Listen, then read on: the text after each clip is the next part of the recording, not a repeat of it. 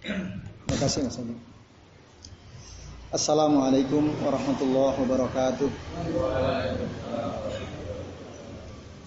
Alhamdulillahirabbil alamin. Wassalatu wassalamu ala asrafil anbiya'i wal mursalin wa ala alihi wa sahbihi wa man tabi'ahum bi ihsanin ila yaumiddin.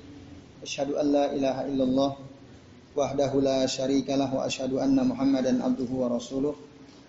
Allahumma salli wa sallim wa barik ala Muhammad wa ala ali Muhammad kama sallaita wa barakta ala Ibrahim wa ala ali Ibrahim fil alamin innaka Hamidum Majid. Rabbi israh li sadri wa yassir li amri wahlul 'uqdatam min lisani yafqahu qawli amma ba'du. Bapak-bapak dan ikhwas sekalian, azan ya Allah wa iyyakum ajmain. Semoga kita semua yang hadir di majlis ini senantiasa dimuliakan oleh Allah Subhanahu wa taala. Amin ya Allah ya rabbal alamin. Alhamdulillah pada kesempatan malam hari ini kita bisa bertemu ya kembali di majlis rutin kita setiap malam Rabu ya. Eh Rabu malam Kamis afwan. Dan pada malam ini kita akan mengawali pembahasan kitab Nawakidul Islam ya. Nawakid jamak dari kata nakid artinya pembatal ya. Jadi nawakid artinya berarti pembatal-pembatal keislaman. Yang ditulis oleh Syekh Muhammad bin Abdul Wahab rahimahullah. Teman-teman bisa lihat pada halaman 64 dimulai dari 6, halaman 64 dan seterusnya.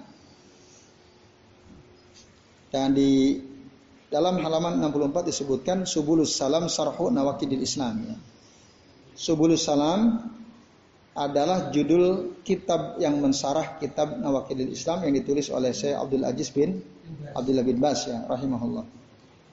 Mana syarahnya? Di bawah catatan kaki di, di bawah itu garis itu atau di catatan kaki itu syarah. Ini pun sesungguhnya ringkasannya. Saya punya kitab Arabnya tapi lebih tebal bahkan dari dua syarah yang saya bawa ini. Dari dua syarah satu ini karya Syekh Abdul Razak Al-Badar. Ini karya saya Abdullah Nasir bin Abu Abdullah Nasir bin Ahmad bin Ali Al-Adani. Nah, saya bin Bas, beliau mensarah kitab Nawakidul Islam bahkan lebih tebal dari dua kitab yang saya bawa. Lalu ringkasannya ada di bawah. Di bawah garis itu ya. Nah, ini Bapak-bapak dan Ibu sekalian.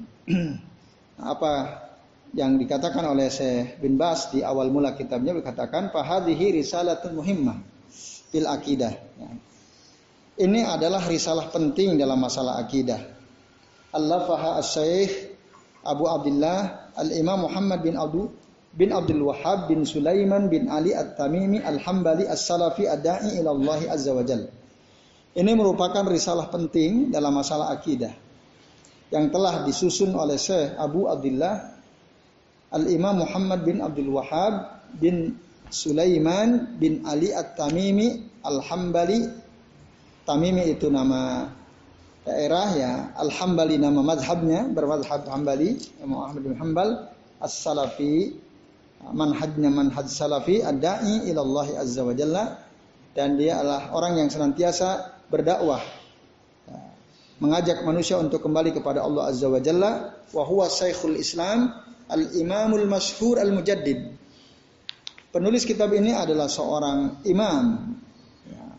Ulama yang masyhur Al-Mujaddid yang melakukan pembaharuan atau reformasi ya. Lamman darasa min ma'alimin Islam ketika rambu-rambu Islam telah hilang ya. Perlahan-lahan kapan itu terjadi finis pisani minal qarnisani asyara. Nah, di separuh kedua dari nisfusani itu maksudnya separuh kedua dari abad ke-12. Abad ke-12 ya, Hijriah. Berarti abad ke-12 itu sekitar tahun 100 eh, abad ke-11 tahun berapa berarti? 1100 ya. Nah, sekarang 1442 ya. Sekarang abad kelima ya. Eh, abad ke-15 sekarang. Abad ke-15 Hijriah. Nah, beliau ini hidup di masa abad ke-12. Abad 12 Hijriah. Berarti sekitar tahun 1100-an. 1100-an. belum nyampe. Kalau 1200 berarti udah abad ke-13. Ini masih abad beliau hidup di masa abad ke-12 Hijriah. Jadi sekitar tahun 1100 sekian lah. Nah, ini. Dan memang dalam beberapa sejarah ya eh, yang menceritakan tentang kehidupan beliau kala itu di Jazirah Arab banyak sekali kesirikan-kesirikan, khurafat-khurafat karena pengaruh sufi ya. Pengaruh sufi yang itu diambil dari tradisi orang Syiah. Nah, beliau kemudian tampil berdakwah meluruskan kebatilan-kebatilan khurafat-khurafat yang terjadi pada masa itu dan sangat masif ya, sangat masif. Maka beliau sebut al-mujaddid ya, al-mujaddid. Nah ini Bapak-bapak dan ikhwas sekalian azan ya Allah wa iyyakum ajmain. Uh, komentar dari Syekh Abdul Aziz bin Abdullah bin Bas rahimahullah. Di awal kitab beliau yang beliau beri judul Subulus Salam. Nah, baik, kemudian kita masuk langsung pada matan kitabnya. Qala al-Imam Muhammad bin Abdul Wahab rahimahullah. Bismillahirrahmanirrahim.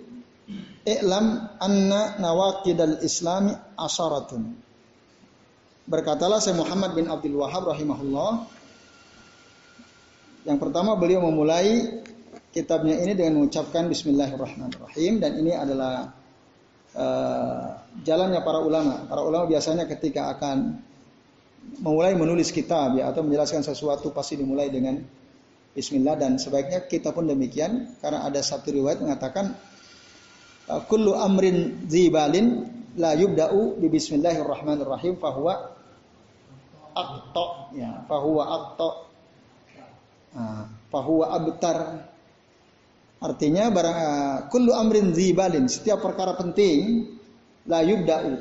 Tidak diawali bi bismillahirrahmanirrahim dengan menyebut nama Allah. Zat yang maha pengasih lagi maha penyayang. Bahwa akta. Maka dia terputus. Maksud terputus dari keberkahan. Akta min minal barakah. Nah itu. Maka beliau mengawali tulisan atau risalahnya ini eh, risalahnya ini mengucapkan Bismillahirrahmanirrahim. Nah, Bapak-bapak serta ikhwas sekalian, azan ya Allah wa iyyakum ajmain. Nah, sebelum kita lanjut, saya mau sampaikan mukadimah dari saya Abdul Razak Al Badar ya dari kitabnya beliau. Jadi uh, kita sebagai seorang Muslim ya, dituntut untuk mengetahui mutalibun bima'rifatil haq liyaslukahu. Dituntut untuk mengetahui yang benar itu semua ini.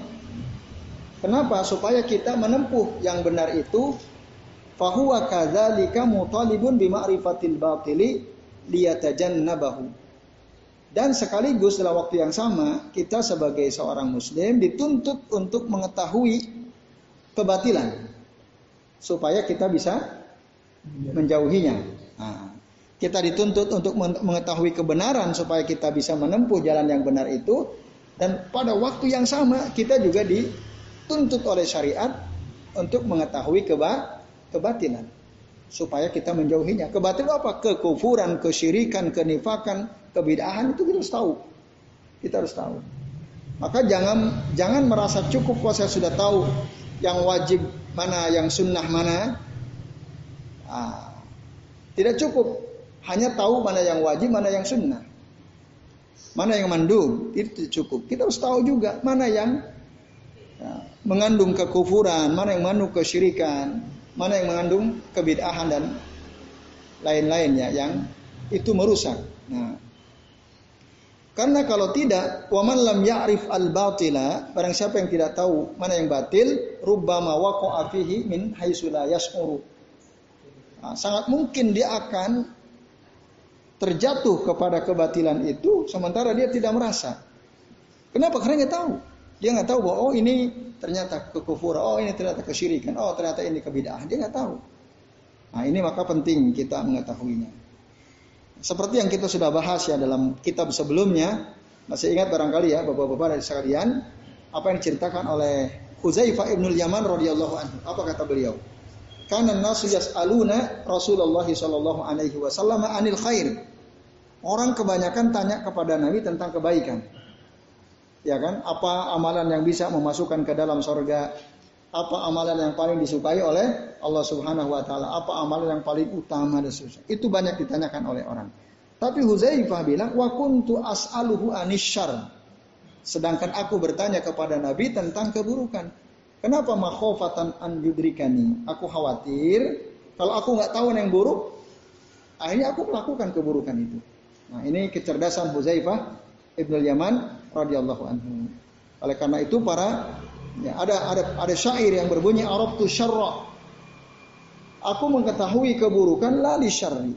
Bukan untuk keburukan itu sendiri walakin dituwaqihi, tapi untuk menjaga diriku dari kesyirikan. Waman lam ya'rif asyirra nah, atau waman lam ya'rif asyarra minan nasi yaqa'u. Kalau ada orang dia tidak tahu keburukan, dia tahu yang buruk, sangat mungkin dia ter terjerumus pada keburukan itu. Nah, itu dikatakan dalam sebuah syair ya, sekalian. Lalu ada yang mengatakan kaifa yattaqi man la yadri ma yattaqi. Bagaimana mungkin ada orang bisa menjaga dirinya dari sesuatu yang dia tidak tahu apa yang dia harus jaga. Saya ulangi, bagaimana mungkin seseorang bisa menjaga dirinya sementara dia nggak tahu dari apa dia harus menjaga dirinya? Bingung kan? Saya harus menjaga diri saya dari apa? Karena nggak, dia nggak tahu apa yang harus dia jaga. Nah, oleh karenanya setiap kita dituntut ya selain kita harus tahu mana yang hak, kita juga dituntut harus tahu mana yang yang batil ya, mana yang haram, mana yang mungkar dan seterusnya. Nah, ini Bapak-bapak dan Ibu sekalian, azan ya Allah wa Nah, kemudian Diisi katakan risalah ini diberi judul Nawakidul Islam. Ini aslinya kalau Bapak Ibu lihat aslinya kitab matanya ini cuman diisi katakan kisob hatta ini takriban. Hanya ditulis dalam dua halaman risalah ini aslinya loh. Matan Nawakidul Islam ini. Tetapi lakinnaha ihtawat ala ma'anin azimah bihadil bab. Tapi dia meliputi makna yang sangat agung dalam pembahasan yang ringkas ini. Hiya min ahami ma bagi an yu'raf. Dan yang ditulis dalam kitab Nawakidul Islam ini adalah di antara perkara yang paling penting untuk diketahui oleh setiap kita. Dan beliau tegas mengatakan ada asrah tadi ya. Anna nawakidul islami asarah. Bahwa pembatal-pembatal Islam itu ada ada sepuluh. Tapi kalau bapak-bapak dan ikhwas kalian baca di catatan kaki ya, dari syarahnya saya Abdul Aziz bin Abdullah bin Bas rahimahullah dikatakan ada seorang ulama Imam Al Haythami. Imam Al Haythami mengatakan bahkan Nawakidul Islam itu sampai ada arba'umiyah 400. Wah ngeri lagi kan? 400. Nah, Lalu katakan adapun yang sepuluh ini merupakan yang paling berat dan yang paling sering terjadi. Nah itu kenapa Syekhul Islam dia hanya mengatakan sepuluh karena ini yang paling berat dan ini yang paling sering terjadi. Nah, maka dikatakan kata saya Abdul Razak Al-Badar Fadzikru asrati nawakid penyebutan sepuluh pembatal ini nah, laisa lil hasr bukan untuk membatasi bahwa hanya sepuluh saja bukan walakinnahu dzikru ummahatin nawakid wa matarji'u ilaihin nawakid al-ukhra allati lam tuzkar. Tetapi yang sepuluh ini merupakan pangkal atau pokok-pokok pembatal keislaman. Yang 400 itu tadi akhirnya nanti kembali kepada yang sepuluh ini. Nah, kembali kepada sepuluh ini. Lalu dari yang sepuluh ini kata saya Abdul Razak Al-Badar wa yumkinu aidan antarji'a ila arba'ati nawakin. Dari sepuluh ini kalau diringkas lagi kalau disarikan, disarikan lagi, nah, maka dia kembali kepada empat, ya, kepada empat pembatal. Yang pertama, mayantakidu bihiddin mimma yata'allaqu bil qalam. Ya, sesuatu yang bisa membatalkan agama Islam maksudnya dan itu berkaitan dengan hati. Jadi penyebab batalnya Islam kita itu karena amalan hati, karena amalan hati. Contohnya apa ragu, kita ragu akan keberadaan Allah Subhanahu wa taala itu ada apa enggak? Itu kan. Ada nggak orang ragu tuh? Ada. Ya, itu bahaya sekali. Ya, dia ragu kepada Allah. Kok aku dari dulu kerja nggak kaya-kaya, miskin terus. Ah, ini jangan Allah nggak ada ya. doa doa aku nggak didengar. Nah itu hati-hati itu. Ya, ini amalan hati ini. Hati. Nah, itu bisa menjadi pembatal keislaman. Kemudian mayantaqidu bihiddin mimma yata'allaqu bil aqwal. Ya. Sesuatu yang bisa membatalkan agama dan itu berkaitan dengan kata-kata. Nah, tadi apa yang saya katakan? Nah, itu hati sekaligus kalau hati kan nggak dikatakan pun, dia meragukan akan keberadaan Allah. Dia mungkin nggak ngomong, tapi dia ragu. Kalau bil akwal dia udah ngomong, dia disampaikan dengan perkataan. Nah itu. Kemudian yang ketiga, mayantakidu bihidin mimma yata'allaku bil af'al. Sesuatu yang bisa membatalkan agama, keislaman kita, dan itu berkaitan dengan perbuatan. Kita melakukan sesuatu dan itu bisa membatalkan membatalkan keislaman kita, membatal syahadat kita. Nah, kalau perkataan tadi menghina Allah, menghina Rasul, gitu ya, itu menjadi pembatal keislaman. Maka kita pernah singgung kan, beberapa waktu lalu sempat heboh ada seorang penceramah kan yang menghina Nabi, yang rembes itu ya, ya itu kan, menghina istrinya beliau Aisyah maka masa ada perempuan usia 9 tahun kok senang dinikahi oleh laki-laki usia 50 tahun. Kan itu aneh ya, kan? Ini kan. Jadi menghina itu. Nah, ini maka ada orang mengatakan dia ini tidak akan pernah diterima taubatnya oleh Allah Subhanahu wa taala. Uh, tidak akan diterima sampai dia mengulang syahadatnya karena orang yang bertaubat sementara dia batal syahadatnya, berkali-kali dia bertaubat, berpuluh-puluh kali bertaubat, mardud akan tertolak. Orang kafir taubat diterima atau tidak? Orang kafir taubat dia. Diterima atau tidak taubatnya? Karena dia belum baca syahadat. Nggak mungkin diterima. Maka syarat orang yang sudah batal keislamannya kalau dia ingin taubatnya itu diterima, dia harus melakukan apa? Memperbarui tajdid syahadatain ya. Dia memperbaharui syahadatnya sudah batal syahadatnya. Nah ini maka dia taubat nggak akan diterima taubatnya. Itu ngeri ya.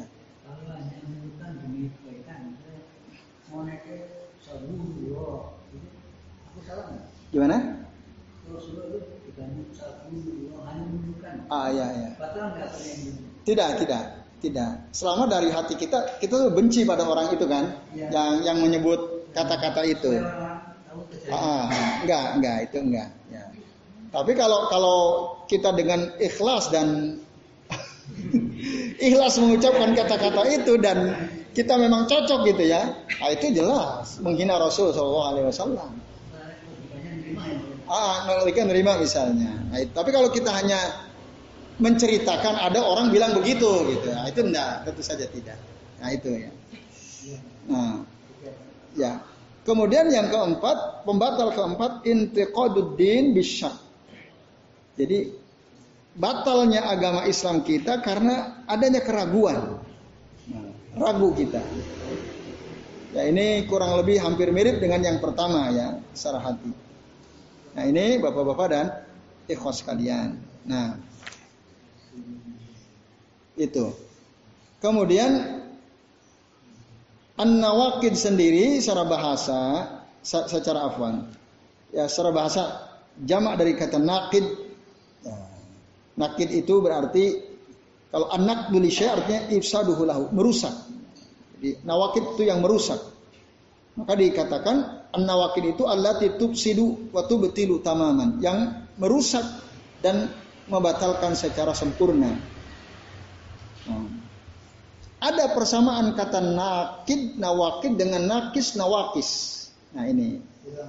Ah, kalau nakid jamaknya nawakid, kalau nakis jamaknya nawa, nawakis. Nah, apa beda nakid dengan nakis atau nawakid dengan nawakis? Kalau nakid tadi artinya merusak. Nah, sementara kalau nakis artinya mengu pengurangnya.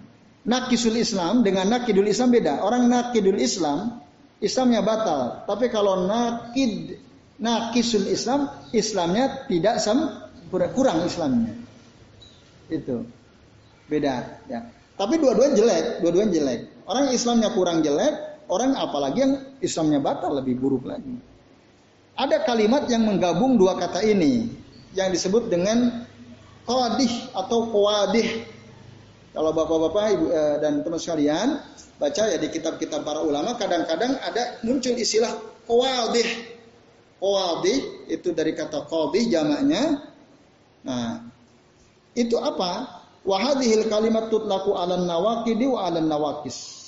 Kata qawadih atau qadih itu ya, dia dimak kadang dimaknai sebagai pembatal, kadang dimaknai sebagai pengurang qawadih ya, qawadih. Nah, ketika yang disebut qawadih itu mayak dahu fil asli fatakunu naqidan lidin. Nah, kalau dia merusak pokoknya pangkalnya maka disebut naqid. Ya, kalau qadih ya, qawadih itu merusak dari sisi pangkalnya, dari akarnya, maka dia disebut naqid. Tapi kalau dia merusak dari sisi kesempurnaannya, maka disebut nakis munkisah. Dan keduanya disebut kawadih. Jadi ada tiga istilah dalam bahasa Arab ya, ada nawakid, ada nawakis, ada kawadih. Kawadih itu yang menggabungkan dua makna tadi ya. Nawakid sama nawakis, tapi beda tadi ya. Nah, ini. Dan yang paling parah adalah nawakid tadi yaitu pembatal atau perusak keislaman seseorang. Artinya dia kalau melakukan sesuatu yang itu bagian daripada nawakid berarti dia sudah murtad. Berarti dia sudah kafir kepada Allah. Kalau dia mati dalam keadaan seperti itu, kelak nanti dia pada hari kiamat akan dibangkitkan dan wahwa min ahli nar. Dia termasuk penduduk neraka. Nah, dan dalam surah Al-Baqarah ayat 167 Allah taala berfirman, "Wa mahum bi kharijina minan nar." Orang yang batal keislamannya mereka tidak mungkin bisa keluar dari dari siksa api neraka. Tidak mungkin bisa keluar dari siksa api api neraka. Nah ini. Karena apa? Di annahu yartaqibu naqidan min nawaqididdin. Karena dia sudah melanggar atau dia sudah melakukan salah satu dari pembatal-pembatal keislaman. Bapak-bapak dan ikhwan sekalian, azan ya Allah wa Nah, oleh karenanya kita wajib mengetahui nah, apa saja pembatal keislaman itu. Sangat penting untuk diketahui oleh setiap muslim. Sangat penting. Beruntunglah kita yang sudah mempelajari kitab ini. Atau yang akan mempelajari kitab Nawakidul Islam ini. Sangat beruntung. Umar bin Khattab radhiyallahu anhu mengatakan, ya, kata beliau apa? Innamatun qadu ural Islam urwatan urwatan. Sesungguhnya tali ikatan Islam itu akan batal ya, sedikit demi sedikit lambat laun ikatan keislaman seseorang itu dia akan batal. Urwatan urwatan, sedikit demi sedikit, atau talinya itu akan putus sahlai demi sahlai idana sya'afil Islam man la man lam ya'rif al jahiliyah. Barang siapa yang dia tumbuh dalam Islam tapi dia nggak tahu al jahil itu keburukan. Dia nggak tahu yang buruk mana. Nah, itu lambat laun nanti akan putus tali-tali ikatan keislamannya. Itu kata Umar ibnul Khattab radhiyallahu anhu. Nah, ini artinya apa? Secara tidak langsung beliau mendorong kita semua supaya kita tahu apa sih pembatal-pembatal keislaman itu. Karena kalau kita nggak tahu, lambat laun pasti putus kita. Ikatan keislaman kita akan putus. Hari kita akan murtad lambat laun. Coba bapak-bapak dan ibu sekalian lihat ya. Ada orang dia muslim, dia ngaku muslim. Bahkan mungkin dia merasa sudah mondok di pesantren gitu. Tapi dia nggak belajar tentang apa saja yang bisa menjadi pembatal keislamannya. Akhirnya apa yang keluar dari mulutnya? Ya kata-kata yang bisa menyebabkan batal keislamannya. Ya. Misalnya dia melecehkan ancaman Allah tentang siksa api neraka dia melecehkan itu. Nah, lalu dia mengatakan nggak apa-apa saya masuk neraka. Nah, ya, dia mengatakan nggak apa-apa saya masuk neraka. Biar nanti saya ketemu sama artis-artis luar negeri kan, saya bikin konser di sana kan. Nah, ini kan ya, ya nantang nggak ini namanya? Nantang nggak? Dia takut nggak sama siksa api neraka? Ketika dia ngomong begitu, Hah? Udah, udah, udah ketemu sama orangnya yang ngomong gitu? Hah? begini Ah, ya. pelaku di rumah itu tidak minum telaga kausal orang minum merokok minum liane Ah, ya, oke ya. Beda kasus tapi hampir mirip lah gitu ya. Ya, ya, ya.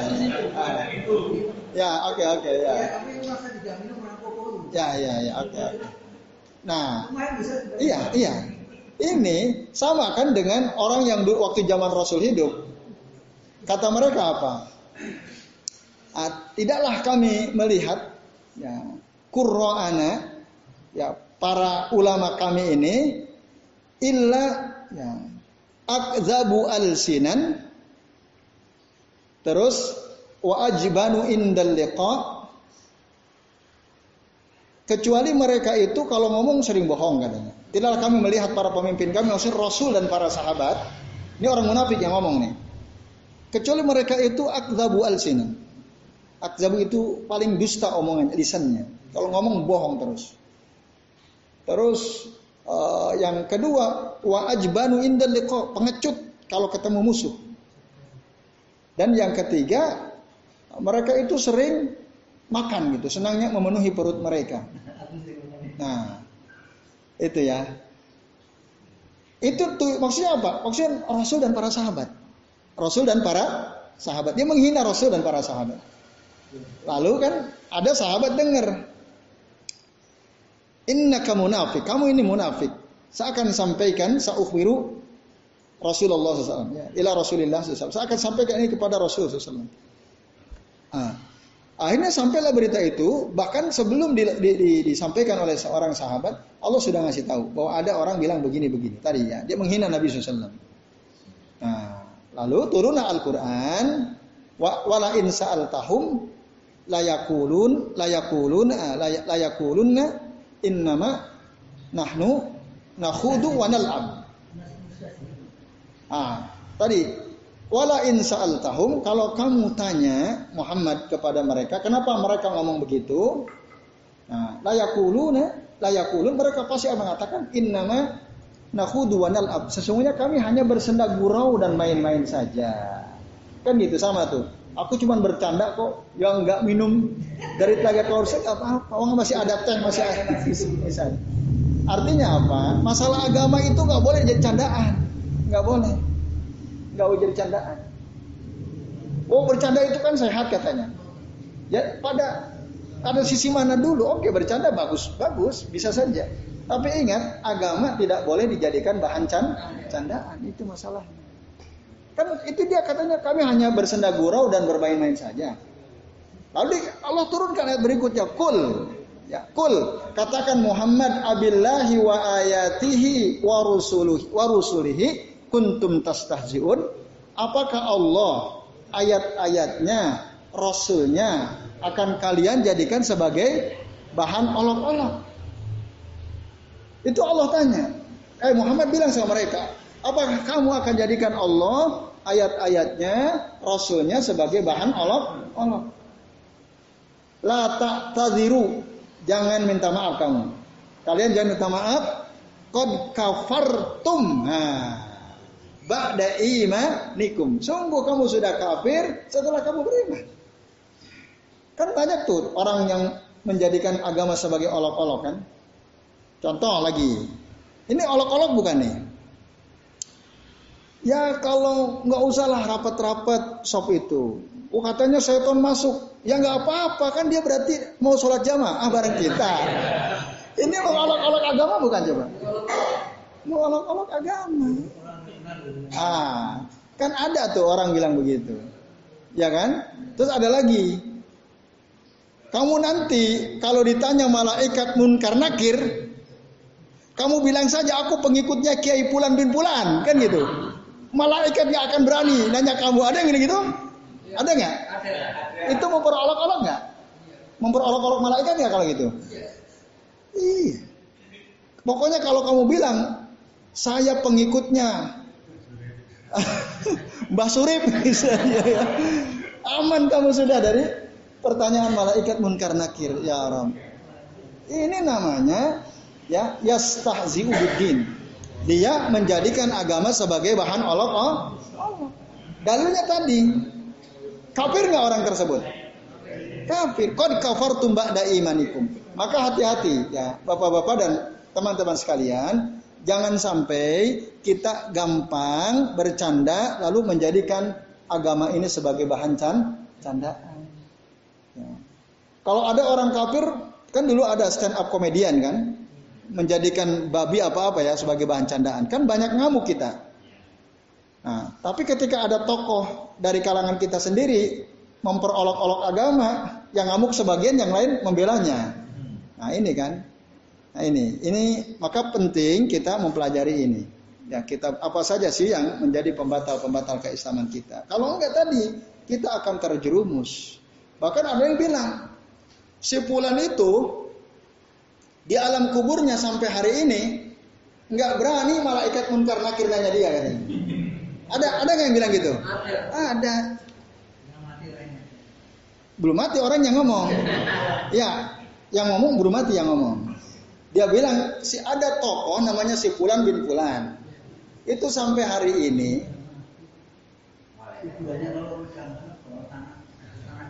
Masa orang udah mati ngomong yang ngomong dengerin dulu, dengerin dulu, belum selesai, jangan dipotong dulu makanya.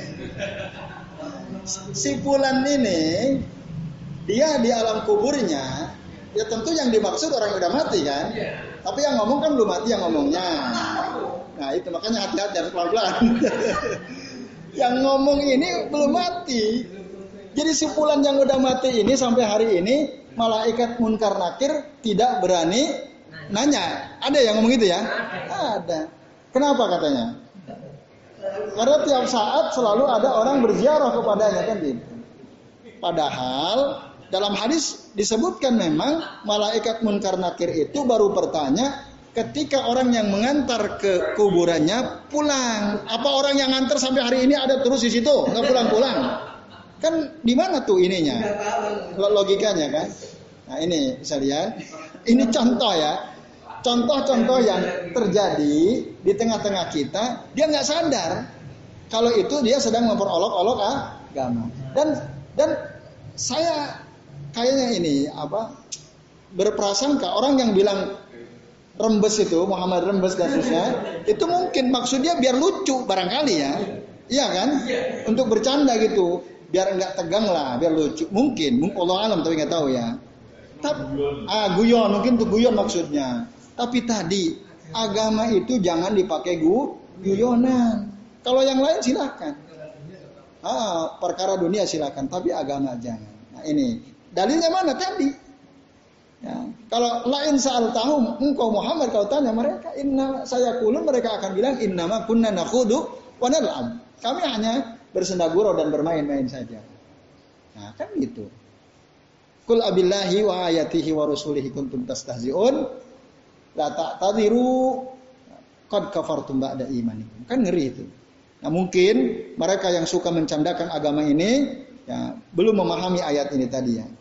Belum memahami ah, sehingga dengan gampangnya mereka menjadikan agama sebagai bahan candaan. Nah, ini naudzubillahi min ya kita berlindung kepada Allah Bapak-bapak dan ikhwas sekalian dari menjadikan agama sebagai bahan candaan. Nah, kemudian uh, itu ya tadi jadi kata Umar ibn Khattab ya innama tumqadu uro al Islam urwatan urwatan idana sya'afil Islam man lam ya'rif al jahiliyah bagi orang yang tidak mengetahui keburukan orang-orang jahiliyah. Nah. Lalu dikatakan annal muslima qad yartaddu an dinihi bi anwa'in kasiratin minan nawaqidi idza waqa'a fiha. Sesungguhnya seorang muslim itu dia telah murtad dari agamanya dengan banyak perkara dari yang bisa membatalkan membatalkan keislaman. Kalau dia melakukan pembatal itu. Nah, lalu dikatakan Kalau sudah batal berarti kod irtada an aniddin. Dia sudah murtad dari agamanya. Wan taqala minal millah. Dia sudah berpindah agama. Walam yanfa'hu. Nah, dan tidak bermanfaat sama sekali mujarradat talafudhi bila ilaha illallah. Hanya sekedar dia mengucapkan la ilaha illallah itu sama sekali lam yanfa'hu. Tidak ada manfaat untuk dirinya. Ya, kalau dia melakukan satu saja pembatal keislaman. Meskipun dia berpuluh-puluh juta kali mengucapkan la ilaha illallah, la ilaha illallah, kalau sudah batal keislamannya itu tidak ada manfaatnya. Nah, oleh karenanya dikatakan padahal la ilaha illallah itu adalah khairul zikri wa afdali. Zikir yang utama, yang yang terbaik dan paling utama. La takunu nafi'atan liqailiha. Tapi dia tidak bermanfaat bagi orang yang mengatakannya illa idza ata syurutiha kecuali kalau dia memenuhi syarat-syaratnya wajib tanab wajib tanab bakulla amrin yunaqiduha dan menjauhi segala perkara yang bisa membatalkan kalimat tersebut. Nah, ini Bapak-bapak dan ikhwas sekalian, azan ya Allah wa iyyakum ajmain. Nah, oleh karenanya kita harus paham, mengerti, jangan sampai ucapan la ilaha illallah kita, kalimat tauhid yang kita ucapkan secara lisan ini tidak ada maknanya sama sekali, tidak ada manfaatnya sama sekali. Kenapa? Disebabkan karena kita melakukan sesuatu yang itu bisa menjadi pembatal keislaman kita. Nah, ini Bapak-bapak dan Ibu sekalian, azan Allah wa iyyakum ajmain. Nah, kemudian saya Abdul Razak Al-Badar mengatakan, nah sesungguhnya manusia ini uh, dalam masalah ini dia terbagi kepada empat golongan. Maksudnya terkait dengan masalah pengetahuan dia tentang pembatal-pembatal keislaman. Itu ada empat golongan. Golongan pertama adalah orang yang istabana lahu sabilul mu'minin wa sabilul mujrimin ala tafsil ilman wa amalan wa haula'i a'lamu al al khalaq. Golongan pertama adalah orang yang jelas baginya mana jalan orang beriman, mana jalan para pendosa secara terperinci, baik secara keilmuan maupun secara amal, jelas dia sudah tahu. Nah inilah se apa? A'lamu al khalaq. Jadi makhluk yang paling baik ya pengetahuannya. Karena dia ngerti, oh ini jalan orang beriman, oh ini jalan para pendosa. Dan secara rinci dia tahu. Maka ikuti jalan orang beriman, jauhi jalan para pendosa. Secara ilmu dia tahu, secara amal dia melakukan. Nah ini sebaik-baik orang. Kelompok kedua ada orang yang amiyat anhu as-sabilani dia buta, nggak tahu jalan orang beriman itu seperti apa, jalan para pendosa itu seperti apa, dia nggak ngerti. Nah, dia nggak ngerti. Artinya jahil dia, nggak tahu apa-apa. Nah, ini seburuk-buruk seburuk-buruk manusia, seburuk-buruk bahkan dikatakan wa min asbahi al-an'am. Dia ya seperti hewan ternaknya. Karena dia nggak tahu. Kemudian kelompok ketiga adalah ya, orang yang dia memfokuskan pengetahuannya hanya kepada jalan orang-orang beriman dan dia tidak mempelajari ya, lawan dari jalan orang-orang beriman ini. Nah, tapi memang dia bisa mengetahui lawan dari jalan orang beriman secara umum secara umum ya min haisu al jumlah wal mukhalafah. Dan dia bisa merasakan juga dari sisi uh, mukhalafah itu menyelisihi. Dia tahu orang beriman itu begini begini kok dia nggak begini? Oh berarti dia nggak benar kan gitu. Tapi yang dia tahu hanya jalan orang-orang beriman. Nah, itu dia akan tahu juga tapi secara global ya tidak secara terperinci. Nah, nah maka orang yang yang seperti ini ya bisa selamat, bisa juga ti, tidak ya. Karena dia hanya tahunya secara global. Lalu kelompok keempat firqatun arafat sabila syarri wal bid'ah wal kufri mufassalah. Orang yang tahu ya, jalan keburukan, kebid'ahan, kekufuran secara terperinci. Dan jalan orang-orang para pelaku dosa. Dia bahkan tahu ya perkataan-perkataan para ulama ya. Dia tahu perkataan para ahli bid'ah, dia tahu juga secara rinci. Tetapi dia tidak tahu walam ya'rif ma ja'a bihi Rasul sallallahu alaihi Tapi dia nggak tahu apa yang disampaikan oleh Rasul sallallahu Taunya hanya secara global. Nah, ada orang seperti itu. Nah ini juga ya kurang sempurna ya. Maka yang kalau kita disuruh untuk milih, ya pilihlah seperti kelompok yang pertama, kita tahu mana jalan orang beriman, kita tahu mana jalan para para pendosa ya ahlul bid'ah, ahlul kufri dan seterusnya. Ini bapak-bapak dan ibu sekalian. Nah, baik. Kemudian kita tadi katakan bahwa nawakidul Islam itu ada berapa tadi? Asroh ya, ada se sepuluh ya, ada sepuluh. Nah, kalau rincinya ada 400. Nah, sementara kenapa disebut 10 ini hanya yang pokok-pokok saja dan yang paling sering terjadi. Ya. Paling sering terjadi. Nah, kemudian Bapak Ibu, Bapak-bapak dan Ibu sekalian, azan ya Allah wa iyyakum ajmain. Nah, yang pertama apa? Di sini sebutkan al-awwal asyirku fi ibadat fi ibadatillahi taala. Syirik Qala al-musannif berkata Syekhul Islam yang Muhammad bin Abdul Wahab rahimahullah bahwa pembatal keislaman yang pertama adalah asyirku fi ibadatillahi taala. Syirik dalam beribadah kepada Allah taala. Jadi syirik itu bisa menjadi pembatal keislaman. Orang berbuat syirik berbuat syirik, syirik atau mensekutukan Allah ya, menduakan Allah Subhanahu wa taala. Walaupun sih ada syirik akbar, ada syirik asgor ya. Apa contoh syirik akbar itu? Apa pak?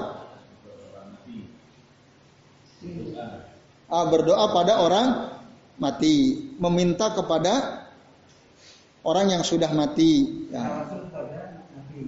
Ah, bertawasul kepada Nabi pada sudah meninggal dunia. Ya itu. Banyak yang dilakukan itu? Banyak. Nah, itu itu kesyirikan. Karena orang yang sudah mati itu, orang yang sudah mati bisa nolong kita atau tidak? Kalau kita bisa nggak nolong orang mati? Kita bisa. Tapi orang mati, sesoleh apa pun dia, apakah dia bisa nolong orang yang masih hidup?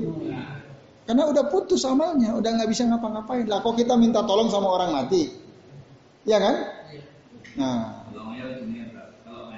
Nah. Ah, bukti, buktikan itu ya. Ah. Dan kiainya kiai yang baru meninggal belum lama begitu ya, yang udah tahu handphone lah ya. nah, ya. Oke, okay, betul. yang tahu Jadi ahli wajah punya serek serek serek dengar. Hmm. Kemudian makan hanya mana Ya. Itu. Betul. Jadi, uh, nah baik. Jadi uh, bapak-bapak bisa lihat, memang betul sebagian dari saudara-saudara kita kaum muslimin ya, mereka punya alasan kenapa uh, kami berdoa di dekat kuburan orang soleh, kan itu. Sementara sebagian ulama mengatakan kita tidak boleh berdoa ya, kepada selain Allah azza wajalla min dunillah selain Allah. Kita nggak boleh berdoa kepada selain Allah Subhanahu wa taala. Tawasul itu yang dibolehkan yang masuk ini kata Syekh Muhammad bin Jamil Jainu dalam kitab Mukhtasar Al-Aqidah Al-Islamiyah fi Dawil Kitab was Sunnah As-Sahihah. Ditulis oleh Syekh Muhammad bin Jamil Jainu, beliau bilang, At-tawassul al-masru itu hanya ada tiga saja. Tawasul yang dibolehkan itu tiga saja. Satu, tawassul dengan asma Allah wa sifatihi. Asma wa sifatillahi azza wa jalla. Maksud ke mana? Kita berdoa dengan menyebut-nyebut nama Allah dan sifat-sifat Allah. Itu boleh. Kan walillahil asmaul husna pad'uhu biha. Itu kata Allah sendiri. Allah itu punya nama-nama yang baik. Silakan berdoalah dengan nama-nama tersebut. Ya ya Razzaq, ya Fattah, ya Karim, ya Rahman, ya Rahim, ya Dzal Jalali wal Ikram. Boleh. Kita berdoa minta. Itu satu. Yang kedua, Tawasul yang boleh adalah bil a'mali as-salihah dengan amal saleh kita. Dalilnya mana? Cerita tentang tiga orang yang terjebak dalam gua. Gua itu kan dia menyebutkan satu-satu amalnya. Akhirnya terbuka selamat. Bisa keluar dari gua. Dan yang ketiga, tawasul dengan doa orang soleh yang masih hidup.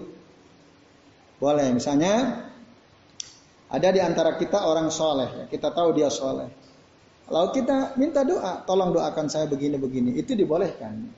Begitulah juga dulu para sahabat, mereka datang kepada Nabi ketika baru punya anak lahir datang supaya didoakan keberkahan oleh Nabi. Sakit datang kepada Nabi minta didoakan supaya sembuh sakitnya. Nah itu dibolehkan pada orang soleh, nggak ada masalah. Gitu. Asal jangan terus-terusan. Ya. Sebagian ulama memberikan catatan, apa-apa terus minta doa sama orang, dia sendiri nggak pernah mau doa. Nah ini ngaca juga. Jangan terus-terusan. Ya. Karena Allah lebih senang kalau kita berdoa langsung kepadanya. Nah, Ida sa'alaka ibadi anni fa inni qarib ujibu da'watad da'i ida ida da'ani kata Allah. Aku akan menjawab orang yang berdoa kepadaku jika dia berdoa kepada. Jadi yang paling baik itu kita berdoa langsung. Kalau kita merasa kok doa kita kayaknya apa belum mustajab, nah kita boleh tuh minta bantuan orang soleh. Pak Yai, ini tolong doakan saya begini-begini sila. Itu dibolehkan secara syarat. Nah. Ah? ah, itu terserah itu. Ya. Kecuali kalau kiainya, saya nggak mau doakan kamu kecuali ada amplop dulu. Ya, itu jangan kalau gitu. ya. ya. Kalau soal dia memberi atas keikhlasannya ya itu terserah pada masing-masing saja kan. Yang yang masalah jika kiainya memberi syarat kamu kalau mau minta doa kepadaku ya minimal amplop segepok lah. Nah itu baru tuh. Gak usah minta ke situ. Ya, tadinya kita pengen hidup apa mudah jadi malah tambah susah kan gitu. Harus cari uang dulu. Nah ini bapak-bapak dan ibu sekalian. Itu yang dibolehkan. Di luar itu, di luar itu, tawasul di luar dengan yang tiga itu, maka gue rumah masruh tidak disyariatkan. Bahkan itu termasuk musyrik ya. Syirik berarti kita menduakan Allah Subhanahu wa taala. Nah, salah satu antaranya berdoa di samping kuburan orang soleh, lalu kita jadikan itu sebagai wasilah karena kita berkeyakinan orang soleh tersebut bisa mendengar doa kita dan bisa menyampaikannya kepada Allah Subhanahu wa taala. Nah, dalam hadis betul Nabi katakan idza wudi'a ya, al mayyitu fi qabrihi atau idza wudi al abdu fi qabrihi dalam hadis sahih Bukhari Muslim apabila seorang hamba itu diletakkan di kuburannya wa tawalla anhu ya, ashabuhu lalu teman-temannya berpaling pergi meninggalkannya hatta yasma'a ya, Qur'ani alihim sehingga dia bisa mendengar suara terompah terompah atau sendal-sendal mereka maka uh, dia akan didatangi oleh malaikat. Didatangi oleh malakani pak adahu dan dia akan didudukan. Dua da itu ada yang mengatakan malaikat munkar wa dia akan ditanya man rabbuka wa ma dinuka wa ma hadzal rajul apa agamamu, uh, siapa Tuhanmu, apa agamamu, dan siapa laki-laki ini, Muhammad Wasallam. Kalau dia orang beriman dia bisa menjawab, Wa Muhammadun abduhu wa rasul. Dia Muhammad hamba Allah dan rasulnya. Nah di situ ada kalimat la yasma'u Qur'ani alihim. Si jenazah ini bisa mendengar suara sendal mereka atau terompa orang-orang yang tawalla anhu min ashabihi. Itu ada dalilnya memang disebutkan dan itu sahih hadisnya. Nah, itu kan bisa mendengar, gitu kan? Bisa mendengar. Ya, betul. Tapi masih ada ingat nggak? Ah, jadi mendengar itu ada berapa macam? Dua. Satu apa? Ada yang ingat nggak?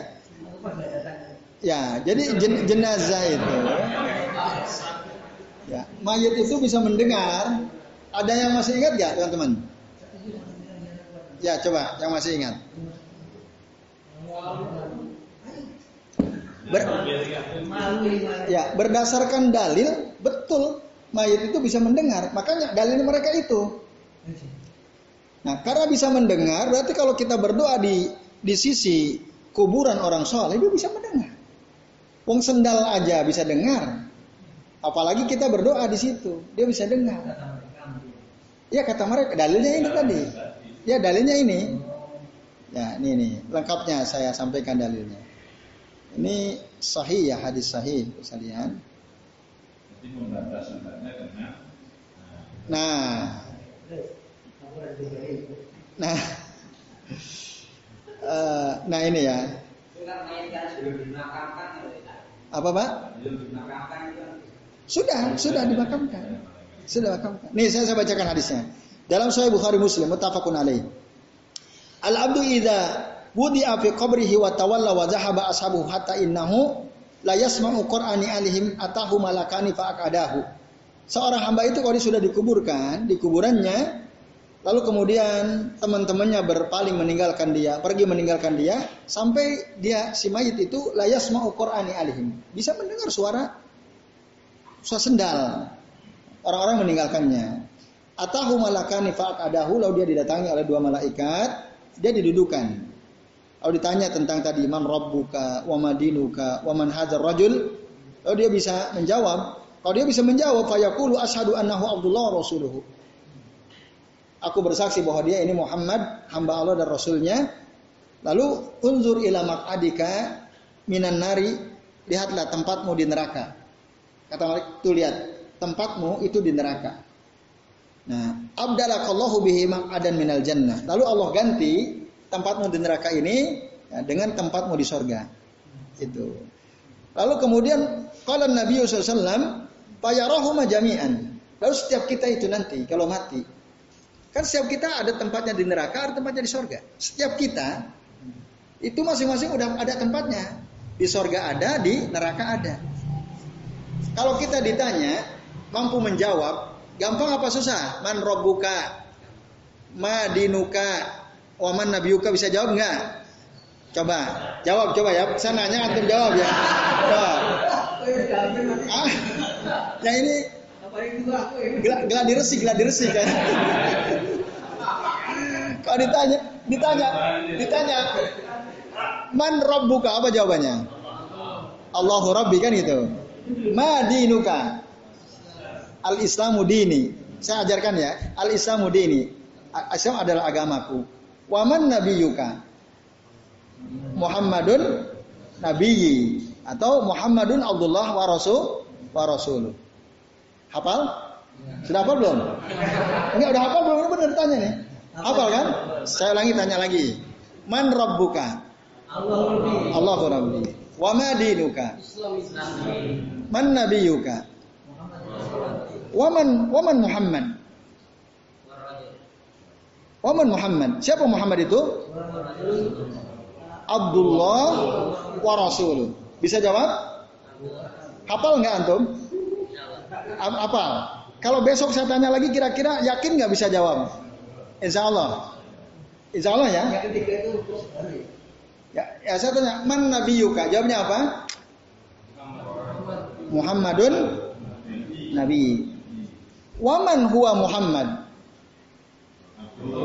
Abdullah wa Rasuluh. Itu kan? Kalau kita bisa jawab, nanti dikatakan kata Rasul, maka Unzur ila maq'adika minan nar abdalakallahu bihi maq'adan minal jannah. Lihatlah tempatmu di neraka Allah sudah ganti dengan tempatmu di sorga. Itu kalau kita bisa jawab. Udah hafal kan? Ada nggak di sini yang belum pernah belajar bahasa Arab? Banyak kan? Yang belum pernah belajar bahasa Arab pun hafal gampang itu kan? Tapi apakah kelak nanti saat kita dikubur kita akan otomatis mampu menjawabnya atau tidak kira-kira? Belum kan? Tergantung amal kita. Nah, iya, belum tentu kita bisa jawab. Bapak-bapak. Ya. Rasul mengatakan ah, ah, ah, ah. Kalau masih hidup di dunia, ah, ya, ya. Orang kafir pun bisa bahasa Arab, dia paham ditanya. Man, man hajar rojul siapa Muhammad itu maksudnya? Di sini Rasul menceritakan wa ammal kafiro Wa amal kafiru awil munafik. Sementara orang kafir, orang munafik ketika ditanya Ya, tadi tiga pertanyaan terus ditanya, "Man hadzal rajul?" Maksud siapa itu Muhammad? Mereka bilang apa? La adri kuntu akulu ma yakulun nas. Ngomong pakai bahasa apa dia? Arab juga. Karena ceritakan Rasulullah ya. Nah, dia bilang saya nggak tahu. Saya nggak tahu. Saya mengatakan sesuatu yang dikatakan oleh orang-orang. Lalu dikatakan kepadanya, la dharaita summa yudrabu bimit rokotin min hadidin dorbatan baina udunaihi fayasihu sayhatan yasma'uha man yalihi illa sakalain. Ya Rob. Nah, dia nggak bisa jawab. Saya nggak tahu. Saya hanya bisa mengatakan sesuatu yang dikatakan oleh orang-orang. Kamu nggak tahu? Kata malaikat. Wah, langsung diambil palu dari besi. Nah, di situ katanya, summa yudrok. Dia dipukul bimitrokoh mitrokoh. Itu alat pemukul min hadid dari besi dorbatan satu pukulan baina uzunai. Di antara dua telinganya. Berarti mana tuh? Antara dua telinga? Berarti kepala. Dipukul dengan apa tadi? Palu besi. Dipukul. Yang mukul siapa malaikat malaikat dengan kita gedean mana? Kita dipukul Mike Tyson aja mungkin ini yang mukul malaikat. Ya. Baina udunahi maka payasi husaihatan dia akan berteriak keras sekali. Yasma'u kullu syai. Semua makhluk Allah bisa mendengar teriakan orang ini. Illa sakalain kecuali manusia dan jin yang nggak bisa dengar. Karena kalau kita dengar pingsan kita. Tiap hari kita mendengar teriakan orang dipukulin kan? Di dalam alam kubur nah ini min hikmatillah ya azza wajalla dari hikmah Allah kita dijadikan telinga ini tidak bisa mendengar teriakan orang yang disiksa di alam kubur kan ngeri sekali Nah ini misalnya. Sementara kalau dia bisa jawab kata Rasul apa? Nah, Annahu yubsahu lahu fi qabrihi sab'una dhira'an. Maka akan diluaskan baginya kuburannya sepanjang sab'una dhira'an. 70 hasta. Nah, sab'una yakni al-mu'min yaitu untuk orang ber, beriman. Wa yamla'u alaihi nuran nanti akan ada cahaya kuburannya itu ila, sampai kapan? Ila yaumi yub'atsun sampai hari di mana mereka dibangkitkan. Ya kalau orang beriman, kuburan yang sempit hanya berapa kali berapa meter itu? Berapa? Setengah kali dua meter itu akan yubsahulahu. Pernah tidur di kuburan? Dalam. Ah. Gimana rasanya? Ah, merinding aja.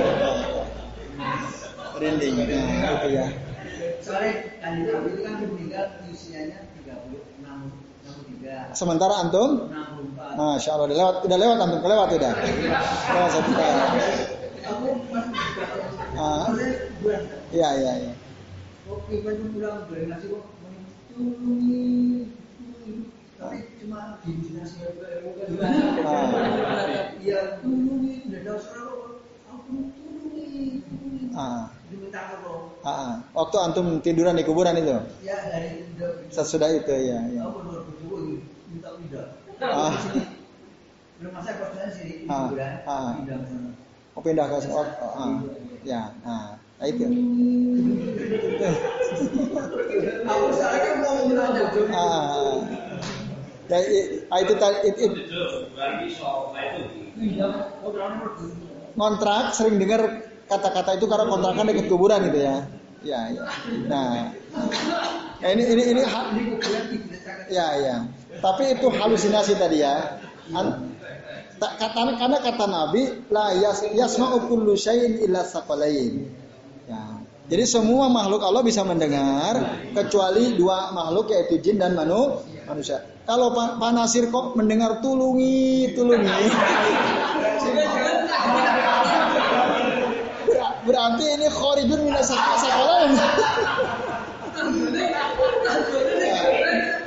Kalau betul itu mendengar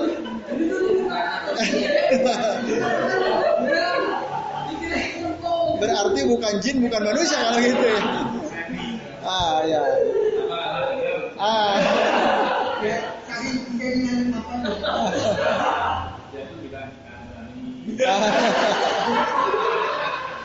Iya, iya, iya. Oke, itu ya. Jadi itu sekalian menjerit mereka itu. Dan, dan kita, kita ngeri sekali kan? Kita mendengar cerita, uang sana kita dipukul orang, dipukul manusia lah. Yang katakannya secara fisik sama sebesar kita, dipukul pakai palu dari besi, kira-kira gimana itu? Sakit nggak kira-kira? Sakit nggak kira-kira? Kita dipukul pakai, ya sakit sekali. Apalagi yang mukul malaikat kan. Kita nggak tahu juga palunya sebesar apa kan. Nah makanya Rasul mengatakan payasihu ya sayhatan yasma'u kullu syai'an illa kullu syai'in illa as-sakalain. Nah, sementara orang beriman itu diluaskan lapangkan rezekinya eh, eh, kuburnya ya. Ya sab'una ziro'an. Dalam hadis ini sebutkan sab'una ziro'an. Tapi dalam hadis yang lain sebutkan yuwasa'ulahu qabruhu madal basar. Dia akan diluaskan kuburannya sejauh mata memandang. Lebih luas lagi. Nah, ini. Ya. Nah, ini ya Bapak-bapak sekalian, kata kata mereka, ini kan dalilnya. Ini dalil sahih bahwa orang yang udah mati itu bisa men bisa mendengar. Nah, itu dia. Penasaran kan? Iya. Nah, kita ikuti kajian berikutnya ya. ya, oke baik. Ya, ya baik. Nah sekarang kita lihat dalam Al-Quran. Nah, di dalam Al-Quran ada ayat ya. In Allah Subhanahu Wa Taala berfirman kepada Rasul, Innaka la tusmi'u al mauta. Sesungguhnya engkau Muhammad tidak bisa menjadikan orang yang mau orang yang mati itu mendengar. Ya. Bapak-bapak bisa buka dalam ya, Al-Quran surah An-Naml ayat 80 atau Ar-Rum ayat 52. Ya. Itu bunyi ayatnya hampir sama.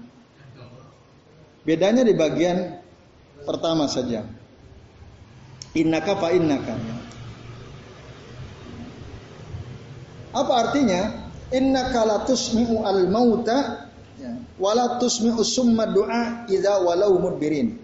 Eh Muhammad sesungguhnya engkau tidak bisa menjadikan orang yang mati itu bisa mendengar. Dan tidak pula kamu bisa menjadikan orang tuli bisa mendengar. Maksudnya orang tuli ini orang yang nggak peduli dengan al-haq ya. Dia orang yang menutup telinganya dari kebenaran.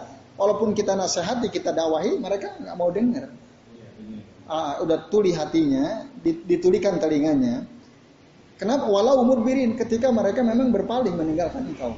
Jadi kayak Abu Talib, Abu Lahab, Abu Jahal kan berkali-kali Rasul nasihati apa mam masuk ke telinganya. Kan enggak ya. Enggak, dan itu enggak bisa dibuat bisa mendengar yang benar orang seperti itu. Orang mati juga begitu. Inna kalatusmi'u al mauta. Nah itu gimana?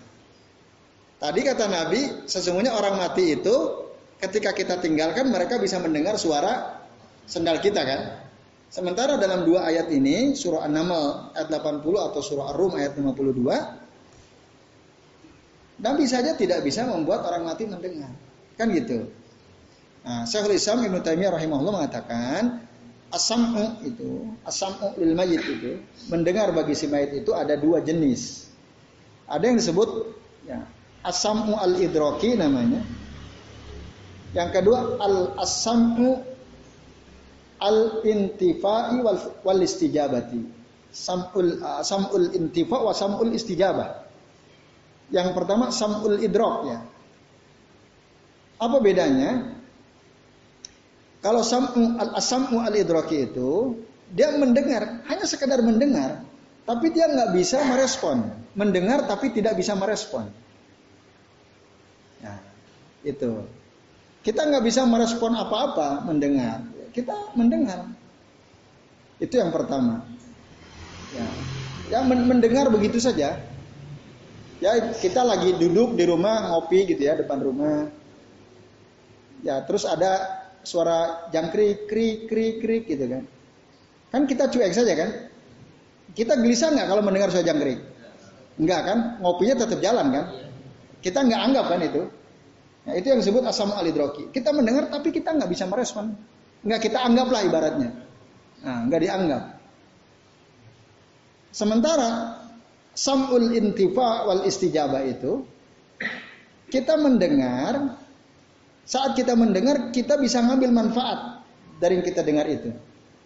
Dan kita bisa merespon, bisa menjawab. Misalnya lagi ngopi depan depan teras rumah, lalu istri kita manggil, Pak, Pak, nih mie goreng sama pisang goreng udah jadi. Kita bisa jawab nggak? Oh iya iya, nah sini sini kan gitu. Ibaratnya gitu kan, kita bisa jawab, kita bisa ngambil manfaat. Ya kan setelah kita dipanggil, oh ternyata kopi udah ada temannya nih. Ya, jadi mie goreng sama nasi goreng udah jadi bisa. Nah, itu. Jadi yang dimaksud oleh hadis Nabi tadi, mereka layas mau ya Qur'ani alim, mayit itu bisa mendengar suara sendal orang yang meninggalkan, itu mendengar dalam konteks yang pertama. Asamu al-idroki. Tapi dia nggak bisa respon. Dia nggak bisa ngambil manfaat apa-apa. Gitu. Nah, sementara apa yang dimaksud di dalam Al-Quran surah An-Naml ayat 80 atau surah Ar-Rum ayat 52 itu yang dimaksud engkau Muhammad tidak bisa menjadikan orang mati itu mendengar mendengar dalam arti al intifa wal istijabah itu. Mengambil manfaat. Artinya apa? Ketika si mayit itu udah dikubur kita Mbah Kiai Pulan Mbah Pulan tolong sampaikan kepada Allah ini saya punya permintaan saya punya hajat nah apakah Orang yang mati, kiai yang mati itu, orang soleh yang mati di kuburannya itu bisa mengambil manfaat atau tidak? Tidak. Tidak. Bisa menj ah, bisa menjawab enggak? Enggak, nanti kalau jawab, "Je, monggo kamu minta apa tak sampaikan ke Allah." Enggak, enggak bisa menjawab. Pingsan kita kalau dia bisa jawab kan? Nah, makanya di sebagian masyarakat ada orang mati udah dikubur di talkin. Pernah dengar nggak? Kan gitu. Nanti kalau kamu ditanya man buka kamu jawab Allahu Rabbi kan gitu. Saya berkali-kali itu. Ah, mendengar rois kaum mentalkin orang yang sudah dikubur. Masih kan? Itu itu layan tidak ada manfaat orang udah mati kok di, diajarin gitu yang ya. dituntun ya, kan dituntun kalau kamu ditanya siapa Tuhanmu, kamu bilang Allah ya. Kalau kamu ditanya apa agamamu, kamu bilang Islam agamaku. Kalau kamu ditanya siapa nabimu, kamu jawab Muhammad nabiku. Kan gitu diomongin. Apa manfaat itu? Tidak. Tapi bagi para pendukungnya manfaat. Kenapa? Karena dalam Al-Quran ada dalilnya. Apa dalilnya? Fadzakir. Fa inna zikrotan faul mu'minin katanya. Berikanlah peringatan karena peringatan itu bermanfaat untuk orang beriman. Iya, untuk yang masih hidup udah mati udah nggak bisa. Jadi dia terlalu apa ya? Ah, cari-cari dalil itu. Dalil itu betul peringatan itu bermanfaat untuk orang beriman, tapi orang beriman yang masih hidup yang udah mati ngapain lagi nggak bisa diingatkan. Nah itu sekalian. Nah dan itu sebenarnya sudah dijelaskan oleh Al Imam An Nawawi dalam kitab Raudatul Talibin. Dia mengatakan Raudatul Talibin. Itu kitab fikih mazhab Syafi'i. Nah, itu dalam kitab itu dia jelaskan itu nggak ada asalnya. Artinya hadisnya itu hadis lemah. Nah itu jadi uh, itu contoh kesyirikan. Ya. Ber, berdoa itu kan ibadah kan? Berdoa ibadah bukan? Maka si asir kufi ibadatillahi taala. Orang yang melakukan kesyirikan dalam beribadah kepada Allah taala itu bisa membatalkan keis Islam itu yang pertama. Maka hati-hati ya melakukan kesyirikan. Nah itu tadi banyak orang nggak tahu kan. Kira-kira yang suka berdoa dekat kubur orang soleh ngerti nggak masalah ini? Ngerti nggak bahwa itu adalah syirik? Ngerti atau tidak? Bahkan tahunya mereka ini benar kan gitu. Itu ibadah bahkan. Kan ngeri itu kan. Nah di sinilah kita penting tahu masalah ini. Nah, bahkan bapak-bapak dan ikhlas kalian dalam kitab ini ya di sini disebutkan bahaya kesyirikan itu. Menurut saya Abu Abdullah Nasir bin Ahmad bin Ali Al-Adani, di sini beliau sampai menyebutkan banyak sekali bahaya-bahaya kesyirikannya. Tidak kurang dari sepuluh disebutkan. Ya, jadi kesyirikan itu kenapa bisa mengeluarkan seseorang dari agama, bisa membatalkan keislamannya? Karena satu syirik itu dosa yang paling besar. Allah bilang, Wa may yusyrik billahi faqad iftara isman azima. Barang siapa yang syirik menyekutukan Allah, menduakan Allah, sungguh dia telah melakukan dosa yang sangat besar. Syirik itu kezaliman yang besar. Bahkan Nabi ketika ditanya ayu zambi a'zam, apakah dosa yang paling besar? Antaj'ala lillahi dan wa huwa. Kamu telah menjadikan bagi Allah ya apa? Nidda. Nidda apa? Tandingan. Tandingan bagi Allah. Padahal Allah telah menciptakan kamu. Itu satu. Syirik itu adalah akbaru al-kabair, dosa besar paling besar. Syirik itu ya yuhbitu jami al amal bisa menghilangkan seluruh amal kita. Lain asrokta la yahbitanna amaluka. Kalau kamu syirik maka semua amalmu sia-sia. Syirik itu tidak akan diampuni dosanya. Innallaha la yaghfiru an yusraka bihi wa yaghfiru ma duna dzalika liman yasha. Disebutkan di dalam kitab kita ini. Itu dalil pertama. Jadi saya uh, Muhammad bin Abdullah menyebutkan dua dalil. Dalil pertama itu ya Innallaha la yaghfiru an yusraka bihi wa yaghfiru ma duna dzalika liman yasha. Sesungguhnya Allah tidak akan mengampuni ya, dosa orang yang mensekutukan Allah dengan sesuatu wa yaghfiru ma duna dzalika liman yasha dan Allah akan mengampuni dosa selain syirik bagi orang yang Allah kehendaki sesuatu. Terus yang kedua, innahu sesungguhnya Allah atau sesungguhnya dia ya. Maaf, sesungguhnya dia man yusrik billah. Barang siapa yang mensekutukan Allah, faqad haramallahu alaihi al jannah. Allah sungguh telah mengharamkan baginya sorga wa ma'wahu an-nar dan tempat dia adalah neraka. Wa malil min ansar dan tidaklah bagi orang-orang yang musyrik, orang-orang zalim ini ada penolong nggak ada. Nggak ada yang bisa nolong mereka. Temennya nggak bisa, amalnya nggak bisa. Orang syirik, amalnya semua habis. Nah ini. Lalu bagaimana? Bukankah di dalam Al-Quran ya, ada ayat yang berbunyi? Nah ini ada sebagian orang bertanya. Kan ada tuh dalam Al-Quran. Innallaha yaghfiru dzunuba jami'an. Sesungguhnya Allah mengampuni seluruh seluruh dosa. Ada nggak ayat yang seperti itu? Nah, ada. Surah Az-Zumar ayat 53 ya. Kul ya ibadi ya ya ibadiyalladzina asrafu katakanlah wahai hamba-hambaku yang telah melampaui batas ala anfusihim atas diri mereka sendiri la taqnatu min rahmatillah. Janganlah kalian putus asa dari rahmat Allah. Innallaha yaghfiru dzunuba jami'an. Karena sesungguhnya Allah mengampuni seluruh do, dosa. Gitu. Innahu huwal ghafurur rahim sesungguhnya Allah Maha pengampun lagi Maha penyayang. Di sini dalam ayat 53 surah Az-Zumar Allah bilang innallaha yaghfiru dzunuba jami'an. Sementara dalam ayat tadi dikatakan surah An-Nisa ayat 48 innallaha la yaghfiru an yusraka bihi wa yaghfiru ma duna dzalika liman yasha. Coba gimana? Bertentangan enggak? Lah ya. Tapi ada kesan kontradiksi tidak? Ada kesannya. Nah, jadi dalam surah An-Nisa ayat 48, Allah tidak akan mengampuni. Innallaha la yaghfiru an yusraka. Allah tidak akan mengampuni dosa orang yang menyekutukan Allah dengan sesuatu. Sementara dalam surah Az-Zumar 53, innallaha yaghfiru dzunuba jami'an. Sesungguhnya Allah mengampuni seluruh do dosa. Bagaimana penjelasannya supaya tidak kontradiksi? Gimana Pak? Ah, jadi yang dimaksud surah An-Nisa 48, Allah tidak akan mengampuni dosa orang yang menyekutukan Allah, menduakan Allah dengan sesuatu kalau dia mati dalam keadaan musyrik, tidak bertaubat. Jadi dia melakukan kesyirikan, dia mati dan dia tidak pernah taubat dari kesyirikannya, maka orang tersebut akan diadab dalam neraka khalidan abadan muabbada selama-lamanya. Itu bahayanya syirik tuh. Ngeri kan? Nah, tapi kalau dia sempat bertaubat, ya Allah, dulu saya pernah berbuat syirik begini begini begini. Ya, lalu saya bertaubat ya Allah dari semua kesyirikan yang pernah saya lakukan. Taubat dia betul-betul. Dia baca doa gimana? Gimana doanya? Gimana doanya? Taubat dari kesyirikan?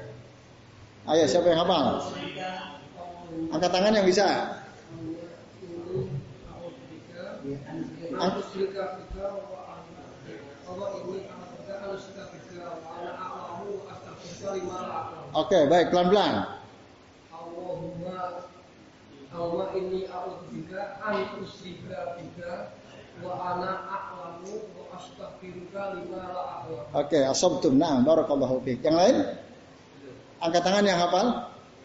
Versi lain Bisa, bisa. Oke. Mas Abdul.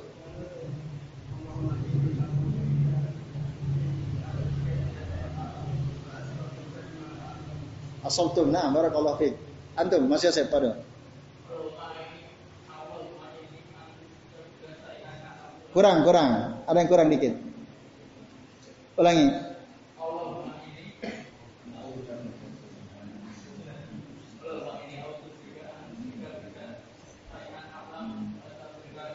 Oke, okay, asabtun sahih, betul sekali. Yang lain apa? Insya Allah ya, masih saja Pak. Ah. Oke, okay, sahih asabtun. Gimana? Iya. Ya. Itu termasuk tobat dari kesirikan juga. Kan ada astagfirullah. Nah.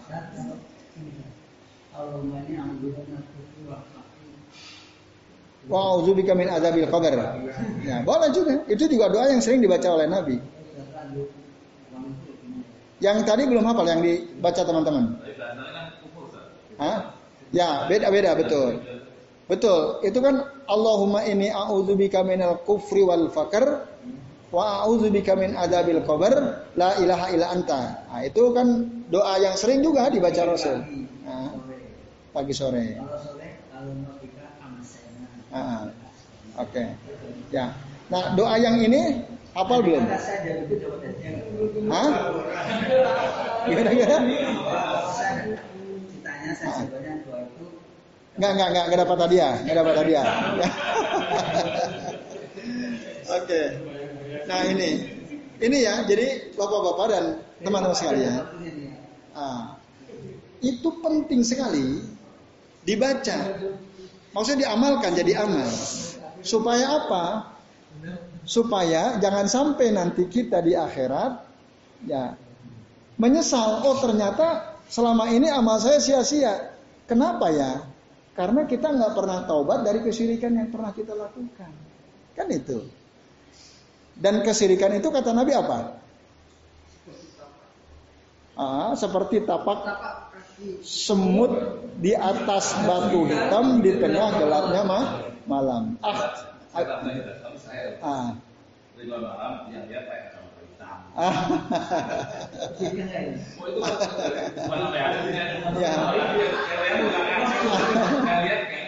Ah, itu. Maksudnya kacamata itu nggak pernah ngaji gitu ya. Iya. Iya, jadi Inna syirka ahfa min dabi bin namli ala sofati saudai fi zulmatil lail. Sesungguhnya kata Nabi kesyirikan itu lebih samar daripada tapak semut di atas batu hitam di tengah gelapnya malam. Oh sahabat takut semua, para sahabat ngeri semua. Maka mereka qalu ya Rasulullah kaifa nattaqihi fa inna syirka akhfa min dabi bin namal. Duhai Rasul, kalau gitu gimana dong caranya kita ya melindungi diri kita dari kesyirikan sementara dia lebih samar daripada tapak semut di atas batu hitam di tengah gelapnya malam. Nah, kemudian Rasul mengajarkan doa itu kepada sahabat. Sahabat takut sekali. Kalau kita kayaknya nggak takut, walaupun ditakut-takuti syirik itu bahaya sekali. Nanti begini-begini kita nyantai aja kan? Malah nantang. Nah harusnya kita Harusnya kita, bapak-bapak dan ikhwas sekalian, kita merasa takut. Sebagaimana sahabat juga tak takut. Maka kalau habis kita ketemu ini, kok doa tadi nggak dihafalin, wah berarti nggak takut tuh namanya ya.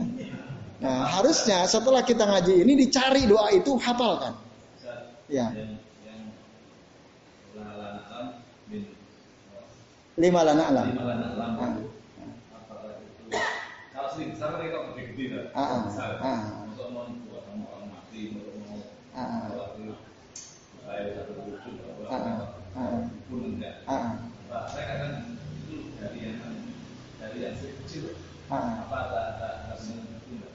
yang lima lana alam.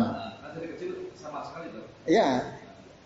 Ter, termasuk gini, ya yang tentu saja sampai nanti Abdullah bin Abbas radhiyallahu anhu dia menjelaskan banyak orang terjerembab kepada kesyirikan karena dia nggak tahu, nggak ngerti. Tapi gini juga Pak, Sirik-sirik besar pun bagi yang nggak ngerti kan dia nggak ngerti. Berdoa ya, berdoa kepada orang yang sudah mati. Kalau dia nggak ngerti ilmunya kan dia ngerti kalau itu syirik. Ngerti nggak dia? Kan nggak ngerti. Dia nggak ngerti. Kita ngerti karena kita udah ngaji kan. Kita udah udah mendapatkan penjelasan para ulama. Tapi bagi yang tidak pernah ngaji tentang bab tauhid, bab akidah seperti ini, dia nggak paham. Bahkan saya punya teman, ya, dia itu ya ustad, dikiaikan, itu hampir dalam sebulan itu dia sering posting di Facebooknya, sedang ziarah ke makam Mbah Fulan, ziarah ke makam. Jadi hampir sebulan dalam sebulan itu sering dia, dia sering ziarah. Dan dia posting, saya ziarah ke sini, saya ziarah ke sini. Nah, itu. Dan ziarahnya itu tadi untuk punya hajat apa bahkan bahkan kalau ada orang punya masalah ya datang ke orang tersebut lalu diajak dan ini fakta gitu. Jadi ada saya punya teman dia punya masalah. Terus dia cerita ke saya saya saya cerita ke Ustaz Pulan Pulan masalahnya sama yang dia ceritakan ke saya dia ceritakan juga ke Ustaz itu. Lalu dikasih solusi apa Pak? Kalau saya kan saya selalu kasih solusi, ya berdoa saja. Yang membolak-balikan hati kita Allah, membolak-balikan hati istri panjenengan juga Allah. Minta saja sama Allah supaya istri jenengan jadi baik lagi ke jenengan kan, sehingga anaknya bisa diasuh oleh berdua. Kan ini soal pengasuhan anak ya masalahnya. Udah minta sama Allah. Setiap kali saya ngomong gitu kan, wah kurang konkret solusinya kan. Nah, dia so kurang konkret solusinya. Ya, Nah ini sayang sekali ya. Nah, padahal itu sangat konkret kan, solusi itu sangat konkret. Ya, gimana lagi? Ah, ah, nah, dia itu bahkan sudah mengeluarkan uang banyak, lapor ke polisi sampai isinya ditangkap. Ditangkap isinya. Dia ingin yang konkret-konkret begitulah inginnya ya. Jadi kalau hanya doa menurut dia kurang konkret gitu ya. Walaupun beliau bilang ya saya juga berdoa gitu. Karena ya itu hanya itu solusi yang saya bisa sampaikan. Saya sudah me melakukan mediasi ya. Saya sudah temui pihak-pihak yang terlibat. Tapi ya tadi nggak ketemu. Ya udah doa saja. Nah, akhirnya dia cari usaha lain, cari usaha lain. Lalu dia cerita ke saya, saya datang Ustaz bulan. Lalu apa solusi si Ustaz? Ayo kita ziarah ke makam Kiai Fulan. Akhirnya dia ada ziarah, dia ziarah. Terus ngapain di makam Kiai Fulan? Ya itikaf selama semalam di sana. Dari mulai Ba'da Isya sampai subuh itikaf zikir di situ. Lalu hajatmu apa sampaikan. Setelah itu dicerita ke saya, saya begitu tadi. Lalu ketemu nggak solusinya? Ya nggak ketemu juga. Masalahnya nggak selesai juga. Nah, nah, cuma bedanya itu ada kesirikannya nggak tuh? Dia ajak ziarah, iktikaf di kuburan, lalu kamu hajatmu apa? Kamu apa yang kamu minta kepada Allah silahkan sampaikan. Nah kan, nah itu. Tapi kalau dia nggak tahu ilmunya itu dianggap syirik atau bukan? Bukan. Ya syirik. Eh nggak nggak dianggap syirik. Itu tidak dianggap syirik bagi sebagian orang kan. Nah itu berarti kan dia tidak tahu tuh. Dia baru ngerti kalau itu syirik ketika ilmunya sudahnya nyampe gitu pak. Tapi memang Abdullah bin Abbas radhiyallahu anhu Beliau pernah ngasih contoh. Jadi contoh nih banyak banyak kita ini melakukan kesirikan tapi tidak kita sadari. Ketika rumah kita mau dicuri oleh seseorang, lalu si pencuri itu menginjak ekor kucing, kucing itu mengeong, meong gitu kan. Lalu si pemilik rumah kita pemilik rumah bangun kan karena mendengar teriakan kucing. Lalu kira-kira si pencuri jadi nyuri atau tidak? Tidak jadi kan? Lalu kita ngomong, untung ada ku kucing rumah saya nggak jadi dicuri. Itu kalimat yang mengandung kesyirikan. Nah, apa? Iya, ya ini itu ini syirik. Jadi ini syirik itu nakidun min nawakidil Islam. Dia bisa menjadi pembatal dari pembatal-pembatal keislaman. Nah ini saya kira ya bapak-bapak dan ikhwas kalian, azan ya Allah wa iyyakum. Ya. Nah itu itu termasuk kesirikan. Nah apakah bisa membatalkan keislaman kita? Nah nanti dalam penjelasan para ulama, sirik itu kan ada dua macam. Ada sirik akbar, ada sirik asgor, ya. ada sirik kecil. Nah nanti konsekuensinya berbeda. Bedanya apa? Satu kalau syirik besar bisa mengeluarkan seseorang dari agama. Wa ammal asghar fala yukhriju anil millah. Sementara syirik kecil tidak menyebabkan dia keluar dari agama. Tapi para ulama dulu ya mereka tetap hati-hati karena lama-lama kalau syirik kecil kita abaikan terus bisa menjerumuskan kita kepada kesyirikan besar. Eh, ada bedanya. Allah taala. Nah, eh, penutupnya supaya tuntas, di sini sebut satu contoh. Contoh syirik itu menyembelih di ghairillah. Menyembelih tidak atas nama Allah. Kaman yazbahu lil jinni awilil qabri. Sebagaimana orang yang menyembelih untuk jin dipersembahkan untuk jin atau untuk kuburan. Untuk ah. Kalau oke oke. Untuk memperingati seribu hari itu menyembelihnya atas nama siapa? Atas nama apa? Ah, ah itu. It, ya betul, betul itu jawabannya benar. Ah, menyembelihnya tetap atas nama Allah, cuman untuk acara bid'ah gitu. Yang menyembelih atas nama selain Allah itu, misalnya dia takut kampungnya apa di ya pagebluk gitu ya. takut diganggu oleh makhluk halus. Nah, kebetulan di kampungnya ada sumur tua. Nah, yuk kita sembelih untuk sumur tua itu supaya makhluk halus itu nggak mengganggu kampung kita. Nah itu contohnya. Tapi niat niatnya, ya mungkin dia, mungkin mungkin mungkin, ya, ah, ya, ah, ya, meskipun dia waktu nyembelih menyebut Bismillah ya Allahu Akbar, tapi niatnya kan untuk apa? Enggak enggak enggak, yang, yang tadi, kalau nyebut tadi kan jelas beda. Ini tadi, karena karena takut makhluk halus yang muncul dari sumur tua itu kan. Nah, itu itu yang disebut azzabu li itu. Menyembelih tapi tidak untuk Allah, tapi karena takut kepada makhluk halus itu. Nah, itu termasuk kesyirikan. Ya, itu saya kira. Jelas ya?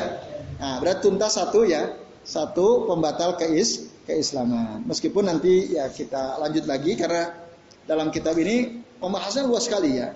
Tadi bahaya bahasa itu tadi saya baru sebutkan tiga. Ya.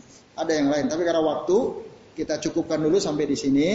Nanti insya Allah kita lanjut lagi. Ini jam Oh jam 11 Masya Allah kerasa ya. Oh masih lama tapi bisa. Kade. Mohon maaf, mohon maaf ini ya. Baik sekalian. Ya. Baik. Tapi semoga ini jadi penghapus dosa-dosa kita ya. Dan malaikat insya Allah yang ada di langit. Ya. Inna li talibil ilmi. Ya Inna talibal ilmi yastaghfiru lahu man fis sama'i wa man fil ardi hatta al-hitani fi fil ma. Ya, insyaallah. Baik, saya kira ini uh, sebelum saya kembalikan ke Mas Abdo selaku pembacara, saya mohon maaf apabila yang saya sampaikan ada kesalahan atau kekeliruan. Ini Mas Muarif kayaknya mau nanya, iya. Ah ya ya. Ya besok aja ya, besok aja ya. Ya itu.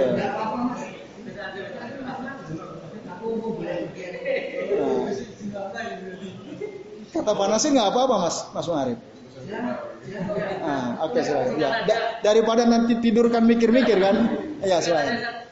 Saya sering kalau ada acara itu diawali dengan tasbih syahadah itu loh. Tasbih apa itu termasuk bisa me, bisa me, memperbaharui saja tetap enggak gitu loh. Bisa gimana misalnya? Misalkan kan ada acara apalah pertemuan apa kemudian hari kita sebelum itu kita tasbih syahadah dulu kita apa dulu tadi? Oh, tajdidus syahadah ya. Hmm. Itu bisa bisa memperbarui setelah ada setelah ada kesirikan enggak gitu? Tentu kita harus sadari dulu kesirikan kita pernah nggak? Kita sadari gitu. Ah, baru kita oh ya dulu saya pernah begini-begini. Lalu kemudian kita mengucapkan dua kalimat syahadat sebagai tajdid ya asyhadatain itu.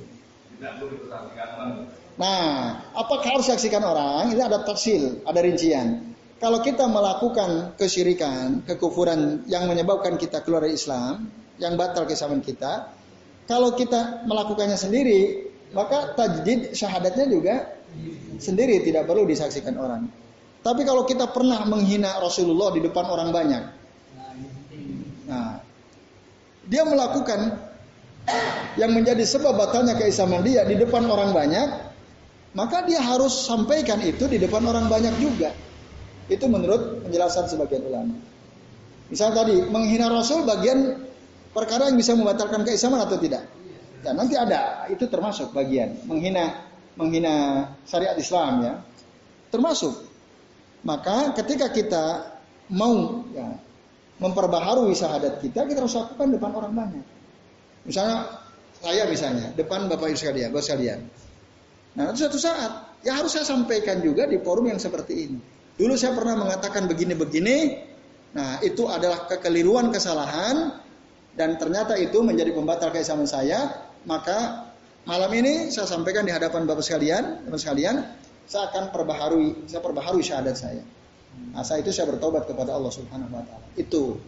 Ada yang mengatakan kalau kita melakukannya depan orang banyak, ya kita harus tajdid asyhadatainnya di depan orang banyak. Tapi kalau sendirian ya berarti sendirian tanpa ada orang yang menyaksikan begitu. Allah taala alam Ya itu. Itu sudah Mas Arif ya. Jadi ya kita sadari dulu apa apa yang hmm, sirikan ya tadi atau tadi eh, bapak-bapak, ibu-ibu kita mungkin pernah melakukan kesyirikan, baik kita sadari atau tidak. Maka ya barangkali ada di antara kita yang melakukan kesyirikan tanpa disadari, yuk kita memperbaharui syahadat kita. Ya, bisa saja dilakukan seperti itu. Bisa seperti itu ya? Ya, bisa seperti itu. Ya. Allah taala. Jadi gitu. Ya. Nah. itu apakah boleh tulis Kan macam-macam ya. Ya. Kalau nggak salah ada delapan salah satunya adalah sirik dunia. Ah. Namanya sama satu hindari. Ah. Datangin penguasa. Ah. Apa apa boleh apa seperti Imam Madoro itu itu kan jarang jarang. Maksudnya datang ke penguasa nasihatin. Ah. Nah, ah. Maksudnya untuk menasehati penguasa gitu. Nah, kan.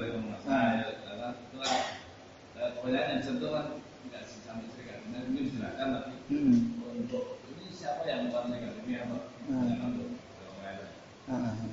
Itu fenomena gimana? Apa apa ya? Terus di ya, ya mungkin mungkin itu kan ada ada yang kemarin kita udah bahas malah yudroku kulluhu la yutroku kulluhu. Nah, jika kita tidak tidak mampu mendakwahkan tentang kebatilan kesyirikan pada semua tadi jenisnya itu, kita tidak mampu. Ya kan patakullah tuh gitu ya. Kalau dalam kebaikan itu kita disuruh oleh Allah semampu kah kalian. Ada kalau kita belum mampu ya sudah. Tapi jangan tinggalkan semuanya. Jangan sampai kita meninggalkan dakwah tentang bahaya kesyirikan. Menyeru manusia tentang bahaya kesyirikan. Nah, kalau itu tadi ya syirik hakimiyah tadi dia oh saya belum bisa deh, saya belum bisa lakukan, nggak ada masalah. Yang penting dakwah dari bahaya kesirikan yang lain-lain selain itu tetap dilakukan. Ah, masih ada yang lain kan gitu. Nah itu, jadi itu memilih-milih karena ketidakmampuan itu ya, itu nggak ada masalah. Jadi hasbal istitoah sesuai kemampuan kita masing-masing. Jadi itu Pak Abu Fahmi. Allah Taala alam kalau kita mengapa milih Gus Muwafi yang kenapa milih Gus Muwafi yang tidak yang ceramah hmm.